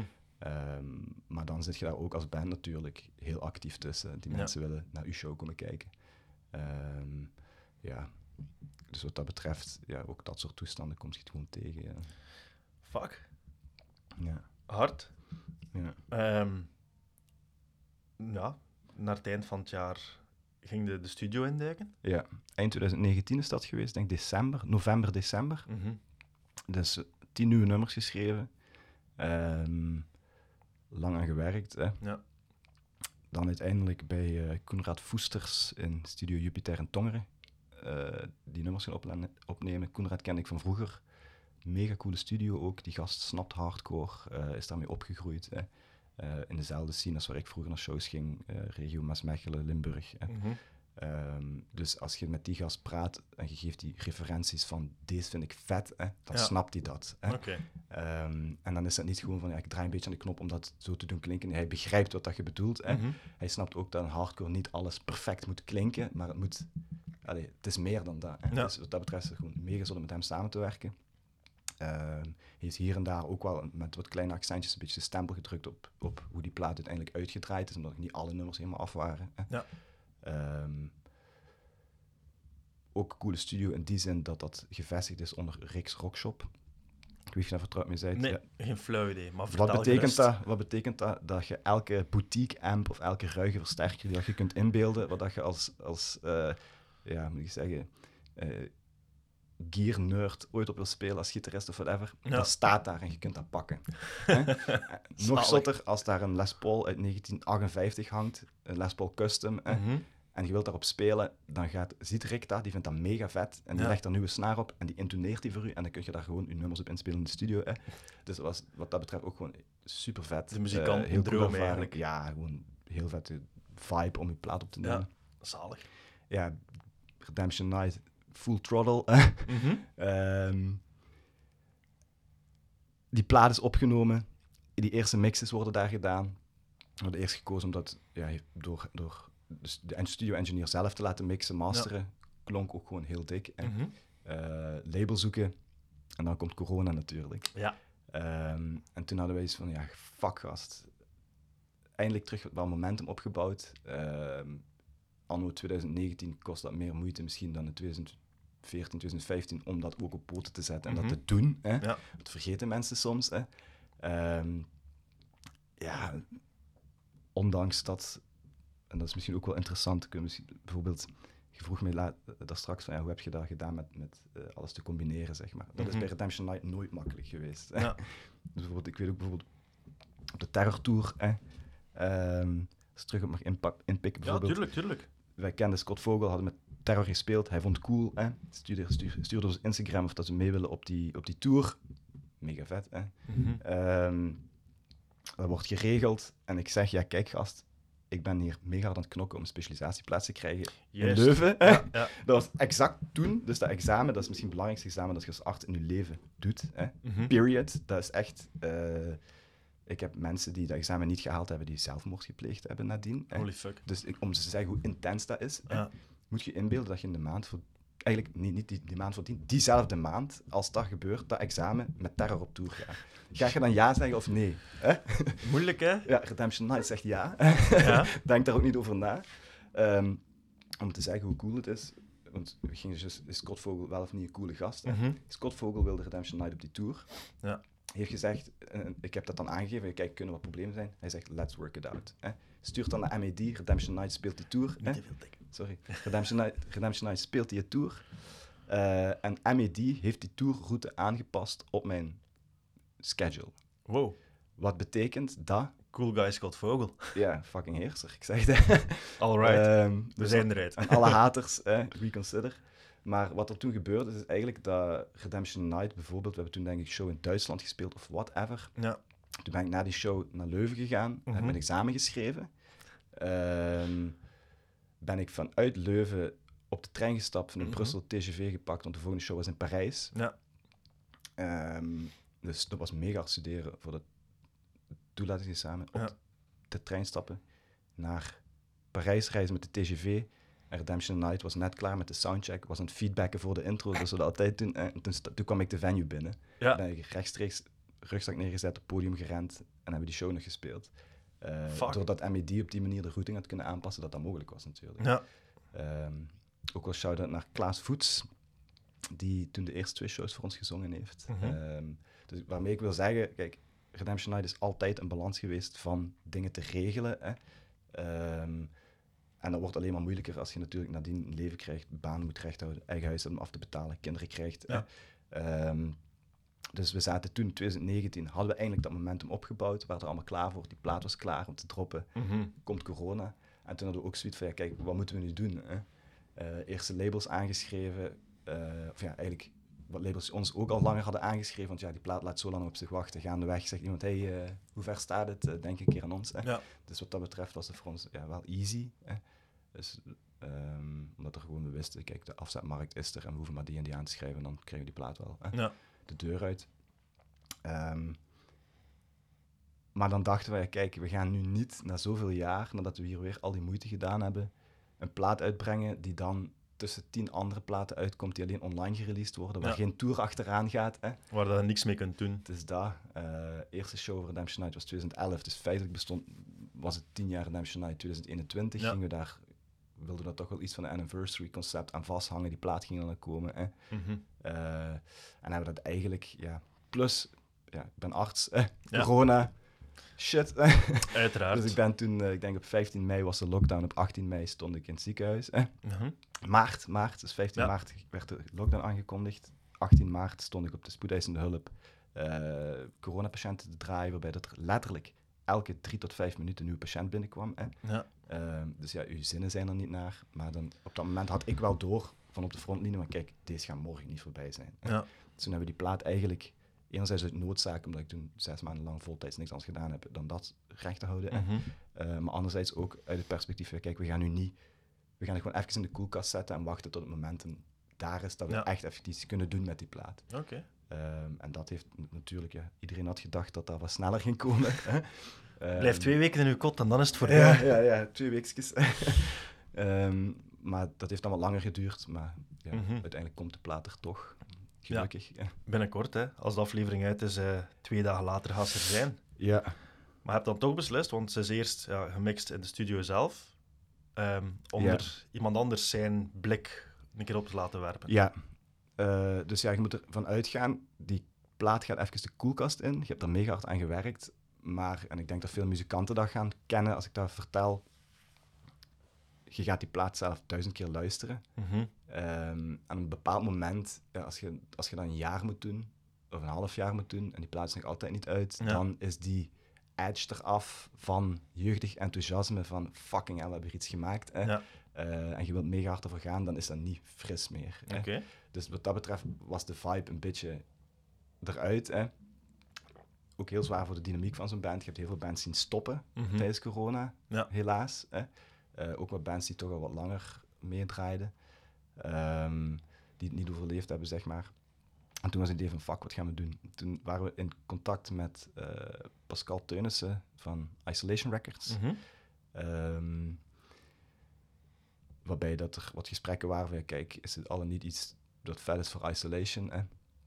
Ehm, en toen kwam het budget vrij, zeg maar, Ja. om te zeggen van, kijk, wat kunnen we hier nog mee doen? Eh, zoals gezegd, ja, kenden wij Taylor Young van met hem te hebben gespeeld, Mhm. zoveel jaar eerder in uh, Noordcoatfest, ergens in Nederland, Dordrecht, of waar is dat? Ja. Hè? Die toen tegen ons zei, toen was hij dus eigenlijk al met zijn studio bezig. Hè? Dus hij had toen al zijn eigen opnamestudio. En die zei van, kijk, if, you, uh, if I can ever work with you guys, just hit me up. I'd be fucking, fucking excited, right? Dus dat was, dat was hoe het ging. Dus ik heb hem, ik heb hem toen gewoon... Uh, we hadden nadien nog getoerd met Nails met hem, een paar jaar Mhm. later. Hè? Dus die, op die manier blijven die connecties wel bestaan. Toen heb ik hem gewoon gezegd van, joh, kijk, je hebt dat, dat toen gezegd. Is uw offer nog daar Ja. om... Uh, Put your money where your mouth is. Ja. en die zei van, ja, kijk, uh, ik zou het mega zot vinden om te doen. Uh, ik maak daar tijd voor vrij, alles schuiven. Ja. Hoe ziet die schedule eruit, bla, bla, bla. Ja, mega, mega zot. Dus hij heeft dan de remix gedaan. Ja. Um, waarbij dat we ook natuurlijk, ja, daar is budget voor. Inmiddels heeft hij heel andere tarieven dan toen. Hè. Mhm. Um, maar waarbij dat we eigenlijk ook gewerkt hebben met de voorwaarden van toen en niet van nu. Ja. Dus dat is, wat dat betreft is dat ook gewoon mega cool. En was voor hem ook, zeg maar, meer een persoonlijk dingetje om dat te doen dan Mhm. hè, just another job. Ja. Um, en wat dat, dat, betreft is die plaat ook echt wel heel, heel wat keren heen en terug gegaan. Totdat we echt een sound hadden. En kijk, dit is vet. Hè. Ja. En totdat ook de afstand, en dat is misschien ook wel ruig als je die nummers zo hoort hoe ze eerst waren. Ja, daar zit echt wel een, Groot gap verschil. tussen. Ja, voor ons was het ook wel zoiets. Ik had ook zelf zoiets van: deze moet niet klinken als weer een Europese hardcore plaat. Hè. Ja. Moest wat edgier zijn, moest sonisch wat extremer zijn, moest toch nog natuurlijk klinken, mocht wat meer grit, wat vuiler. Ehm, ja, en als je dat allemaal samenlegt en je kijkt bij wie je zoiets moet laten maken, denk ik dat je bij hem uitkomt. Is het wel goed, hè? Sessa. Uh, dus ja, uiteindelijk, ja, ja, mega coole samenwerking. Die gast snapt de band ook. Hij heeft ons mega vaak live gezien. Mhm. Die weet wat wij cool vinden. Uh, we hebben daar genoeg mee gebabbeld, getoerd, uh, gespeeld. Heeft ons, allee, dus hij begrijpt dat. Ja. Um, en toen uiteindelijk, ja, heb ik... Ik heb de eerste mixes gekregen van die Redemption Night plaat toen dat mijn vrouw op de bevallingstafel lag van een zoontje. um, en Schat, wacht even, ja, iets. No shit, dus neem me altijd kwalijk. Ik heb die toen effectief geluisterd. ja, ik, weet, ik heb daar zoveel jaar aan gewerkt. Wauw. Ja, ja, ja, ja, dus dat was echt... Ja, toen kwam weer alles samen. Wordt mij nog altijd kwalijk genomen, maar gewoon om te zeggen, ja, hoe, hoe weer een, weer een moment van waren. toeval. Ja, echt te gek. Um, en dan uh, ja, hadden we terug die, die, die, die ja, dat enthousiasme van alsof Mhm. de plaat gisteren was opgenomen. Ja. En dat was wel een heel cool moment. Oké. En in die zin denk ik dat ook, uh, ja, shout-out naar Isolation Records natuurlijk, want die hebben daar ook een hand in gehad van, Ja. kijk, misschien moet er toch eens naar kijken. Hè. Um, is nadien gemasterd ook door um, Brad Boatwright van Audio Siege, uh, Mhm. die ook gewoon niks anders doet dan Sony's extreme, zotte dingen masteren. Ja. Um, en dat zijn wel van die dingen dat ik zoiets heb van, je hebt hier recent bijvoorbeeld Rise and Fall over de vloer gehad, Mhm. uh, waarin dat ook heel duidelijk beschreven werd van, kijk, totdat je dat een keer gedaan hebt, houd je er te weinig rekening mee wat de, wat de waarde is van een goede mixmaster. Ja. Als je denkt, je laat die lokale studio guy dat goed doen, dat klinkt goed? Mhm. Um, maar ja, het verschil is gewoon legit super groot. Um, Ja. En als we nu kijken hoe die plaat klinkt, toch wat meer fuzz in de gitaren, toch wat meer edgy. Uh, zang heel anders gemixt op de eerste platen. Ook anders ingezongen natuurlijk, want ja, er zit zoveel jaar tussen. Ja. En op het begin was ik absoluut geen zanger. Nu durf ik mij wel Oké. zo te beschouwen misschien. Ja. hè. Um, maar ja, dus ja, heel tevreden met het eindresultaat. Uh, Alright. uh, ja. Dus gsm aan het gaan. Even uitzetten. Ja, zo was het. Ehm, ondertussen kun je al even nadenken. Uh, nadenken. Ik veronderstel wel dat het antwoord vrij duidelijk dat het er snel op zult komen. Waarover, ja, Where Dead Ends Meet, we hebben de plaat zelf, het proces besproken, maar waarover gaat ze inhoudelijk? Wat, wat kunnen mensen erin terugvinden? Um, dus Where Dead Ends Meet, de titel. Hè? Dus het was voor mij heel belangrijk om iets van beeldspraak te hebben in de titel. Ja. Ik vind dat alle goede hardcore platen, de beste hardcore platen, uh, hebben zoiets. Mm -hmm. Zoals? Geef voorbeeld. Uh, ja, ik denk dan aan um, ja, dingen. Ja, gewoon iets dat, dat, dat meer is dan, dan face value. Ja. Um, ja, ik probeer het even nu meteen... Dat is on the spot wel, hè? Ja, ja, ja. Maar, Zo'n uh, satisfaction is the dead of desire. Zo ja, weet je, dat, dat, dat, dat, dat, zegt iets, dat heeft een boodschap. Mm -hmm. um, um, ja... Uh, een, een, urban discipline of whatever, ja. of een... Um, ja, Allee, ik kom er nu even niet op, hè, maar... Where mijn, that ends Ja, mijn ervaring is toch dat... Um, dat, dat de, de titel moet een boodschap hebben, moet kort zijn, um, moet iets van beeldspraak inzetten. Dus heeft lang gegist. Die plaat heeft ook over de zoveel voorbije jaren zoveel titels gehad. Mm -hmm. Ik ga er dus niet mee vermoeien. um, maar uiteindelijk, in die titel, wat was voor ons belangrijk, dat Redemption Night inhoudelijk, textueel, heeft altijd op de grens gezeten van, uh, van wanhoop en volharding. Mm -hmm. En in die zin is Where Dead Ends Meet... Eh, is eigenlijk een contradictio in terminus, hè, want ja, dode eindjes ontmoeten elkaar niet. Mhm. Hè. Um, maar als je ze aan elkaar legt, gaat het toch door. Hè. Ja. Ondanks dat je op het moment dat die samenkomen absoluut rock bottom zit. Mhm. Dus dat is uiteindelijk ook wat dat die plaat over gaat.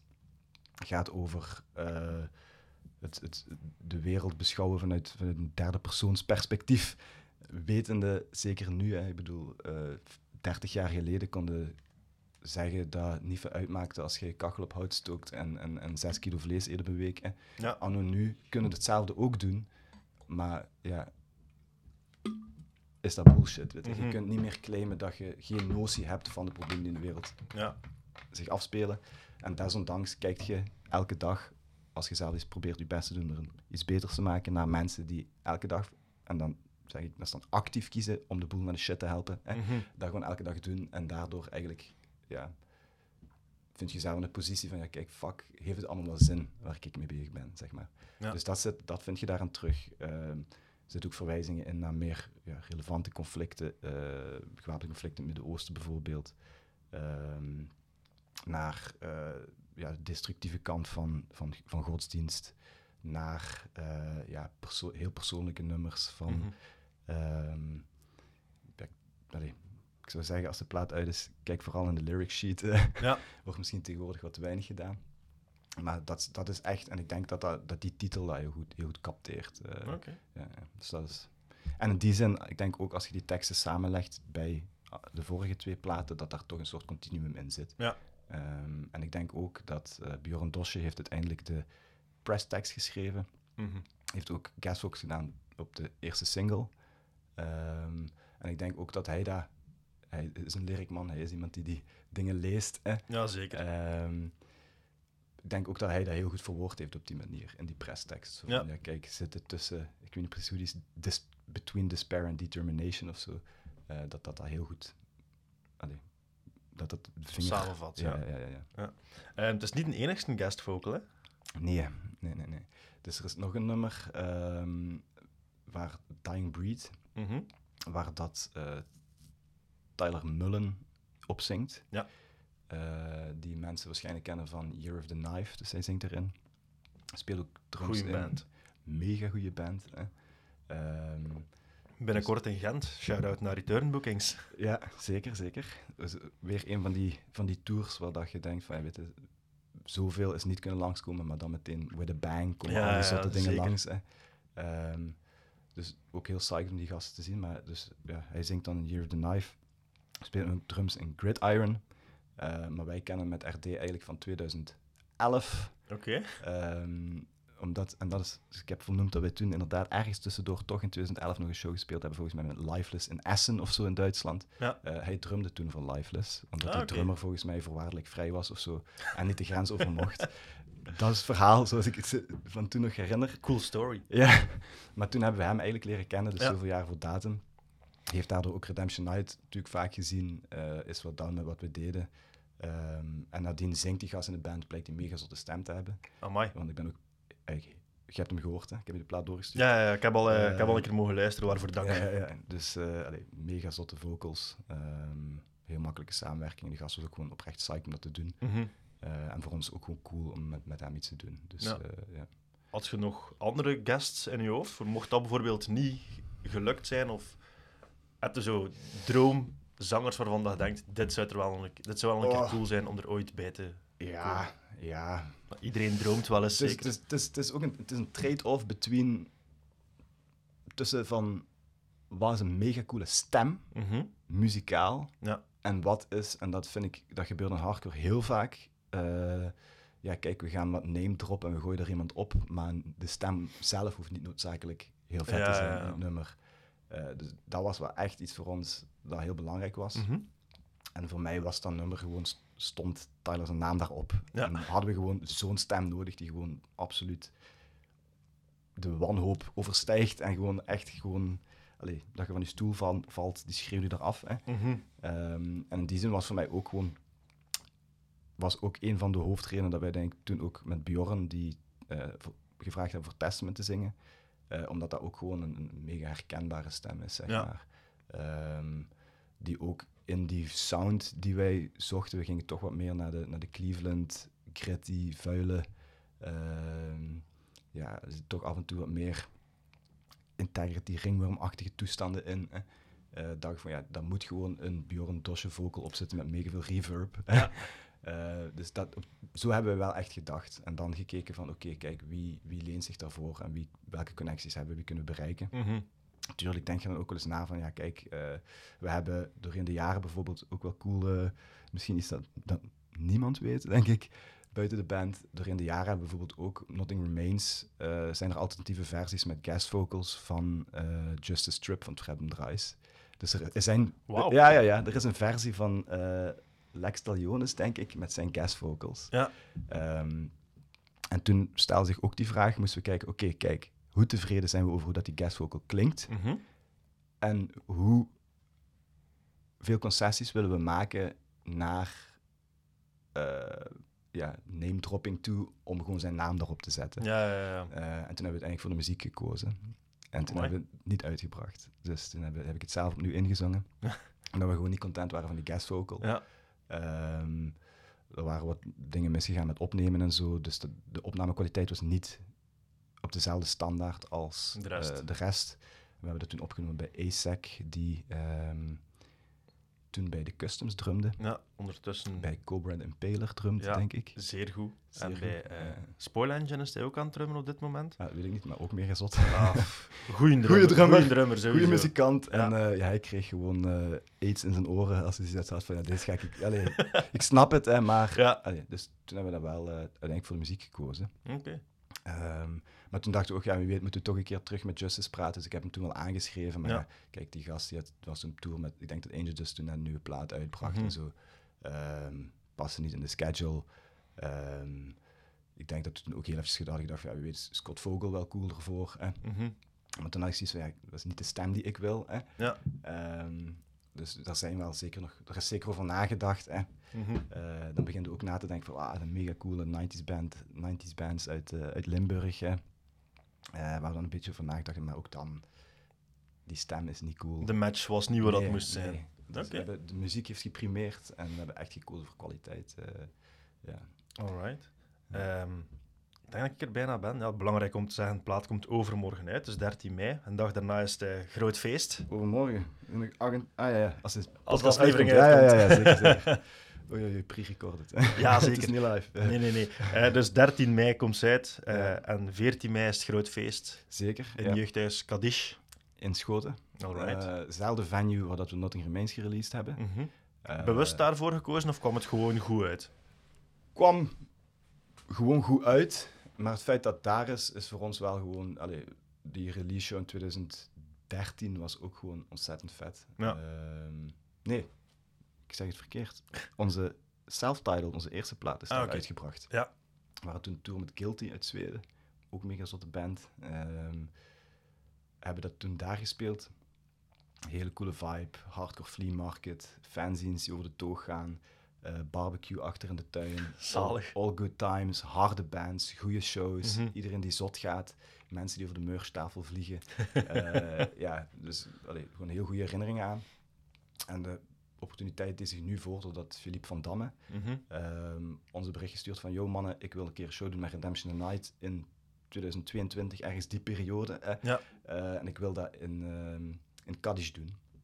En ik dacht, ah ja, ja, cool, eh, laten we dat Er kan iets eh. komen. Ja, ja, ja, toen was het natuurlijk ook nog wat, eerst was het wat speculatief. Hè. Toen dachten we, van, weet je wat, Ehm, ja, laten we daar dan maar de 10 jaar anniversary van maken. Hè. Dus dan Mhm. werd dat de 10 jaar anniversary show. Toen kwam Overlord erbij, die ook na zoveel jaar hè, ook opeens materiaal eh, uit de stof halen, een nieuwe LP uitbrengen. Ja. Heb ik ook gehoord, klinkt ook heel ruig. Ehm, dus reden te meer om te komen. 14 Bring money. Ja, ja, ja. ja. Eh, pak die plakken. Hè. Ehm, dus toen kwamen zij erbij. Mind War staat erop. Fever Child staat erop. Dus gewoon echt, ja, wat mij betreft. eh Pebble staat erop nu. Mhm. Eh, Chain reaction ook. chain Re- fucking Chain Reaction Hoe staat erop. Mindwar daarop? Oh, dat heb ik Ah, gemist. nee, nee. Staat Mind War er niet op? Ik dacht, dacht het niet. Ah, ja. Voeg ze nog toe. Alleszins, eh, Chain Reaction staat er inderdaad op. Het is gewoon een mega zotte avond met mega goede bands. Ja. Ehm, en uiteindelijk kwam die timeline zo samen dat de plaat op tijd ging uit zijn om hem dan Mhm. uit te brengen. En daar hebben we ook gewoon een release show van gemaakt. En dan is, komt alles full circle en heb je Ja. een release show op dezelfde plaats zodat je eerste plaat uitgebracht hebt, maar dan zoveel jaar later. Alright, Dus, eh, cool. ja, ja. En dan eh, een weekje later, True Spirit Tour met No Turning Back nog eens op, Ja. eh, op, op pad. Ja, ook zoiets. Hè? Dus ook gewoon zoiets dat eigenlijk al vast lag en dan in de timeline past. Mhm. Ehm, dus we hebben de eerste True Spirit Tour gedaan, was een beetje een nieuw concept. Kijk, Martijn No Turning Back, die ook Stronger Bookings nu doet, en Sound of Revolution Fest, eh, of Revolution Calling Festival Ja. heet inmiddels, sorry. Die op dat moment in 2012 of 2013, denk ik, De eerste iets had van, eh, kijk, we gaan, er- ja, 2013. 2013, we gaan toeren, we zetten daar alleen Europese bands op. Eh, en we gaan gewoon hard gaan, ruige Mhm. shows spelen, overal. eh. Ehm, toen was het allemaal nog iets minder professioneel als nu. Ja. dus nu gaan we met een nightliner. Toen waren het vijf, vijf losse busjes en eh, slapen in weet ik veel wat. Ja. Ook zotte verhalen. Oké. slapen tussen de bloedplekken en whatever. Ik bedoel, we hebben echt alles gezien op de eerste True Spirit Tour. Ehm, maar die opportuniteit is terug voor. Martijn wilde eigenlijk dan voor de 25 jaar No Turning Back een soort OG True Spirit line-up hebben, waarbij dat echt dezelfde bands erop zaten als Ja. toen. Ehm, World Eater zat op de eerste tour, dus die konden niet mee, want die zijn inmiddels al heel lang gestopt. hè. Mhm. Ehm, zanger van World Eater speelt nu wel gitaar bij NTB, dus wat dat betreft blijven dezelfde, dezelfde gezicht in de bus. Oké. Ehm, en eh, ja, was dan inderdaad eh, NTB, Riskit zat er toen ook op de eerste tour op. Mhm. Redemption Night en Streng Approach, Streng Approach uit Italië. Ja. Eh Streng Approach hebben inmiddels ook de fakkel neergelegd en zijn nu vervangen door Livesick uit Denemarken. Ja. Ook heel ruige band. Ehm hebben mij ooit een keer gevraagd voor guest vocals. Ik heb toen nee gezegd omdat ik die gasten niet kende. toen is die plaat uitgekomen op Southern Lord Records, denk ik. Mhm. Heeft nu een paar honderdduizend plays. Ja. Dus zwaar, zo zeg maar zo'n regret. Dus ik hoop dat ze me niet kwalijk nemen. Dat zal het gesprek zijn de eerste dag op tour, denk ik. Je kunt het dan goed Ja, maken. ja. Je kunt het dan goed maken. maar ook gewoon, ja, mega ruige band. Doen Ja. het goed. Hebben er veel zin in. Zitten ook op Isolation Records. Mhm. Eh, en wat qua momentum hadden wij zoiets, ja, weten, al die, hoeveel eh, tours van buitenlandse of overzeese USA-bands zijn inmiddels gecanceld over de voorbije anderhalf, twee jaar. Ja. Crazy, alles. Eh, zelfs tot in begin dit jaar hè, werd alles nog gecanceld. Mhm. Ehm, dus wij zoiets, ja, weet redelijk wat bands die al de zomer aan het cancelen zijn. Hè? Sessa, we dachten, we gaan die plaat uitbrengen, we willen toeren. Ja, moet je dan zitten wachten op een USA-band om daar een tour mee te doen? Wij dachten, laten we gewoon inderdaad super, vette super vet concept. Ehm, ja, Martijn is ook al heel lang down met Redemption Night, zit nu ook op stronger bookings. Ja. Eh, en alles kwam gewoon op, hetzelfde- op het perfecte moment samen. En ik denk ook, momentum is goed. Hè. Mhm. Heel lang geen internationale bands langs geweest. Ehm, om nu met Europese bands wel de zekerheid te hebben dat je de grens overkomt Ja. met een QR-code. Eh, Worden er nog QR-codes gescand? eh, ja, dat Is dat nou het, weet je, dat is, dat is per, per land natuurlijk verschillend. ja. Sommige landen zeggen van, eh, en België is daarbij, eh, ja, je moet zeker een passenger locator vorm invullen, maar vervolgens wordt dat niet gecontroleerd. Ah, oké, dat moet toch nog Eh, gebeuren. Ja, Ah, goed ik, heb, ik heb het nu niet specifiek opgezocht, ik zal, want dat verandert zo snel. Ik zal Ja. het de week van tevoren wel weer opzoeken. Ja, ja, ja. Eh, weet je, iedereen in Redemption Night is gevaccineerd inmiddels. ehm, en het komt wel goed. Oh, Dus, alright. ja, ja. Goed, dan ben ik er zo goed als. Yes. Dat jij nog toevoegingen hebt. Ik denk dat jij wel Eh, nog honderden verhalen kunt aanhalen. Ja, ik zou zeggen, pak eender wat erop staat en ik vertel een zot verhaal. maar eh, ja, we, hebben, we hebben veel gebabbeld. Ja, zeker. Ik denk, het is ook al een mooi babbeltje. Hè? Ehm, maar goed, dan ga ik eindigen met mijn laatste vraag. Ik had u al doorgestuurd. Stel, Yes. je mocht terugduiken in het verleden naar een show waar dat je niet bij waart. Ja. Welke zou het zijn en waarom? Ehm, dus dat is een van die vragen. En ik had je ook al gezegd, als je heel veel op tourbussen zit en met veel mensen die al lang in hardcore zitten, babbelt en je doet veel fanzine-interviews, krijg je dit soort vragen. hè. Mhm. En op het begin van, begin van mijn carrière was ik zo wat van, ja, fuck, hoe moet je zoiets benaderen? Hè? Ja. Eh, en dan ga je wel een keer stomme dingen zeggen. Eh, ik heb ongetwijfeld tegen Scott Vogel op tour ook heel achterlijke dingen gezegd. of dingen waarvan hij is iets van, ja, gast, die jongen snuiter, je komt eens kijken. Hè? Mhm. Ehm, maar je leert wel om, als je zo'n vraag beantwoordt, moet je eerst de regels goed vastleggen. Oké. Dus ik zou, ik zou zeggen, ehm, als je zoiets moet kiezen, dus de vraag is, welke show, dus nog een keer de exacte vraag, Dus welke, een show waar dat je niet bij waart in Ja. het verleden, ja, waar dat je nu naartoe kunt. time warpen, Time warpen, take, take portal, whatever. Ja. Dus de dingen die in overweging genomen worden zijn, waarschijnlijk ga ik naar een of andere legendarische hardcore band in een prime, wil ik zien. Als je prime hebt als band in hardcore, dat betekent dat dat je specifieke tijd hebt, Ja. met een specifieke context, een Ja. specifieke plaats. Ja. En idealiter, hè, als je echt, moet zeggen, eh, geïnitieerd bent in hardcore, wil je ook een specifieke line-up zien. Ja. Ehm, Let's go. en wat dat betreft denk ik, eh, en ook de assumptie, ja, uw vraag veronderstelt ook dat je weet dat de show heeft plaatsgevonden. Hè? Ja, dat is Dus nog dat is een kleine bias. hè. sowieso. Ehm, Dat is mij nogal gezegd geweest. ja. nu, dus ik, ik denk dat die, allez, ik ga iets zeggen, want ik denk dat die show wel, ik ben zeker dat die show heeft plaatsgevonden. hè. Mhm. Maar ik ga daar ook een soort suggestie doen naar dingen die ook wel misschien nooit het internet gehaald hebben, maar waarbij dat de, de alles zo klopt dat de kans heel groot is dat het wel heeft plaatsgevonden. Ja. Ehm, dus ik heb doorheen de jaren mega veel van de dingen waar ik, van bands waar ik naar opkijk, die ik super vet vind, heb ik gezien als reunietour of whatever. En je kunt daarvan vinden wat je vindt. Mhm. Ehm, maar ik heb mega ruige shows gezien van heel veel van de bands, van mijn favoriete bands ever. Ja. Ehm, Oké, is het cool om Judas Today te zien in 88, eh, na Break Down the Walls in New York, eh, net voordat Ray Capo ergens eh, zijn Krishna-escapades begon. eh. is dat het beste moment om Judas Today te zien? Ja.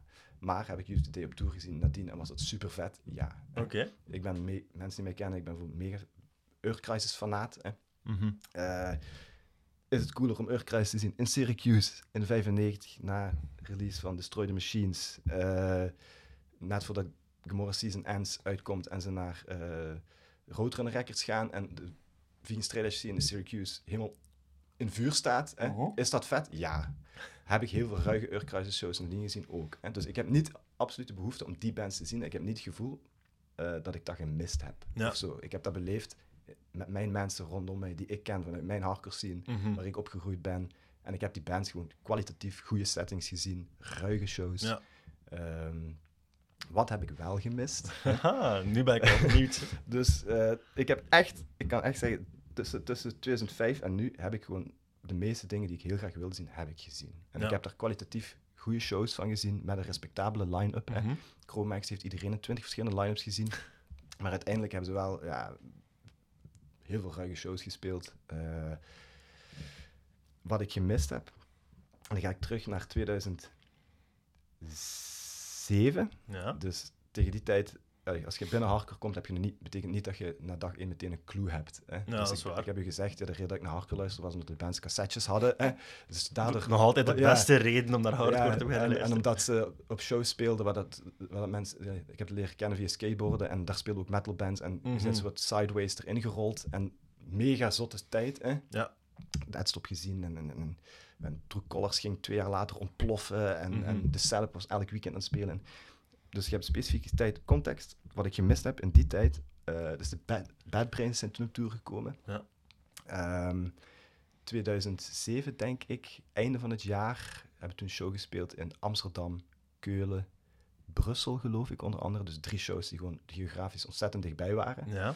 Ehm, maar onze vader was toen eh, ehm, ja, heel ziek. Hè. Is Oké. uiteindelijk overleden ook.